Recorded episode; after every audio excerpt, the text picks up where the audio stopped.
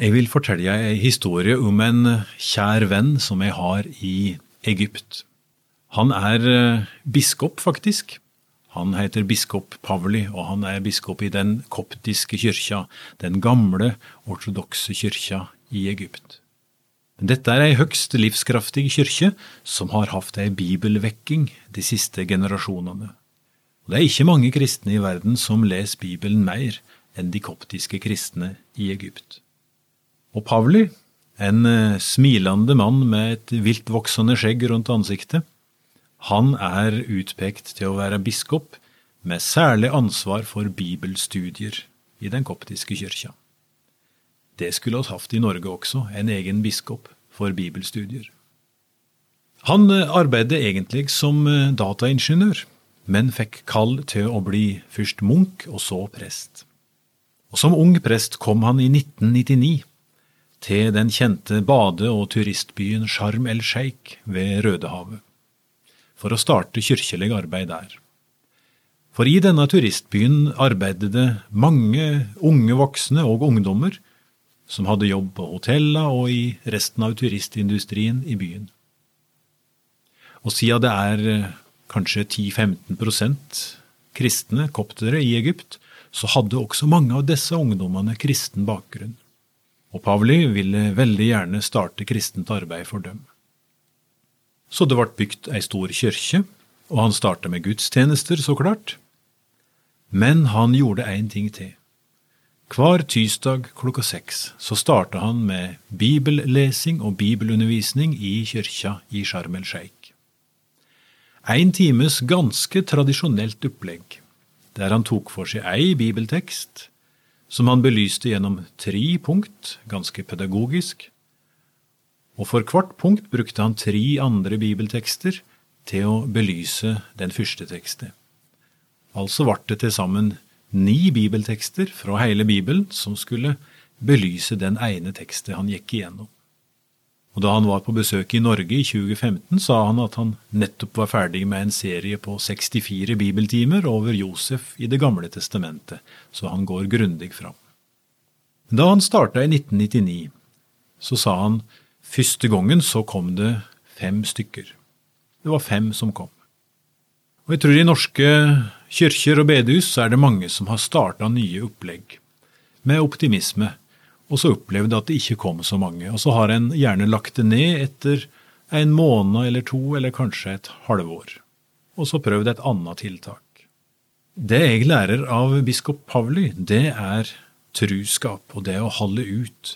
Når du har funnet noe som du har tru på, som har høy kvalitet, som dreier seg om bibellesing og bibelundervisning, så skal du drive på. Det gjorde biskop Pavli. Han fortsetter med én times bibellesing og bibelundervisning hver tirsdag klokka seks i mange år. Og da han var på besøk i Norge, så satt han ved sida av meg i bilen en stad i Telemark, og så kikka han først på klokka, og så kikka han opp på meg, og så sa han, Nå i dag er første tirsdagen klokka seks på 15 og et halvt år at jeg ikke har bibeltimen min i Sharm el Sheikh, sa han. Så hver eneste tirsdag, både vinter og sommer og ferier og høgtider, hadde Pavli hatt sin bibeltime med bibelundervisning i kyrkja i Sharm el Sheikh for ungdommen der. Så de trang ikke se etter en plakat, de eh, måtte ikke sjekke på internett. Alle visste tirsdag klokka seks så er det bibelundervisning. Det er det jeg kaller et trufast arbeid og så nevnte han da nesten bare i ei bisetning at eh, nå for tida så kom det vanligvis ca. 3000 ungdommer på disse samlingene. 3000 ungdommer på en tirsdag klokka seks. Og jeg undres på hvor mange gode tiltak oss har lagt ned på våre kyrkjer og bedehus, som ville ha vært livskraftige hvis oss var like utholdende som biskop Pavli. Han har blitt veldig populær blant ungdommen i Sharm el Sheikh, de kaller meg av og til biskop Lovely, sa han, med en henvisning til et engelsk ord. Nå er han utnevnt til biskop, så han kommer ikke så ofte til Sharm el Sheikh lenger. Men jeg prata nylig med han, og han sa at det er stadig flere tusen ungdommer som kommer sammen til bibelundervisningen i Sharm el Sheikh. I vår egen tid i Norge så opplever oss at eh, det som før var allmenn bibelkunnskap, ikke er det lenger. En venn av meg fortalte at han nylig hadde hatt ei ungdomsgruppe som han hadde prøvd å formidle bibelhistorier til. Og han hadde fortalt eh, likninger fra Lukas kapittel 15 om eh, den bortkomne sønnen, sønnen som kom hjem igjen til far sin. Og etter at han hadde fortalt historien, så spurte han hvor mange av dere kjente denne historien fra før? Og det var ingen som hadde hørt henne før. Så det som før var barnelærdom, er det ikke lenger. Og i norske forsamlinger så trengs det trufaste mennesker som biskop Pavli, som orker å drive på lenge med et opplegg de har tru på. Så kan du også se det på denne måten. Tenk for et privilegium det er og rett som det er få være den første som forteller ei så vakker og så sentral bibelhistorie som likningen om den bortkomne sønnen til en ungdom.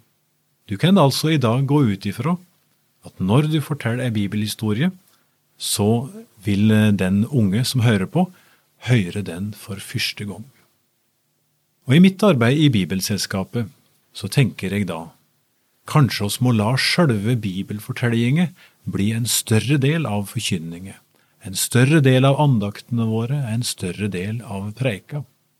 Når folk ikke har hørt tekstet før, så kan oss oppleve det underet det er å se andleta som åpner seg når de hører ei fortelling fra Bibelen for første gang.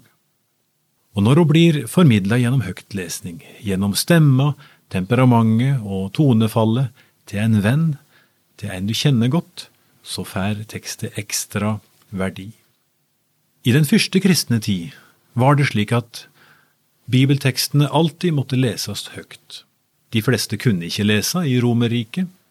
Bøker var dyre og vanskelige å framstille, så de fleste som fikk med seg en bibeltekst den gangen, gjorde det gjennom å lytte og høre på tekstlesing. Kanskje er oss på vei inn i en ny æra, da høgtlesingen ble viktig. Da oss trenger å komme sammen og samle oss, sitte skulder ved skulder og lytte til den samme tekstet. Tenk på de mange fordelene det er med slike bibellyttegrupper. Sidemannen har hørt samme tekst som deg, og var det noe du ikke skjønte, så kan dere to prate sammen etterpå. Jeg tror det er ei bibelvekking på vei i norske forsamlinger. Jeg tror at en i Norge også skal få oppleve litt av det som skjer i forsamlingen til biskop Pavli. At folk kommer sammen, regelmessig og i fellesskap, for å høre bibeltekster lese kontinuerlig. Det er ingenting som ville glede meg mer enn om akkurat det skjedde. Over Bibel var ved Hans Johannes Hagerusten, produsert av Norea Medievisjon. Hver fredag har vi åpen forbundstelefon mellom 9 og 11.30. Ring oss på telefon 38 14 50 20, 38 14 50 20, eller ta kontakt med oss via Facebook.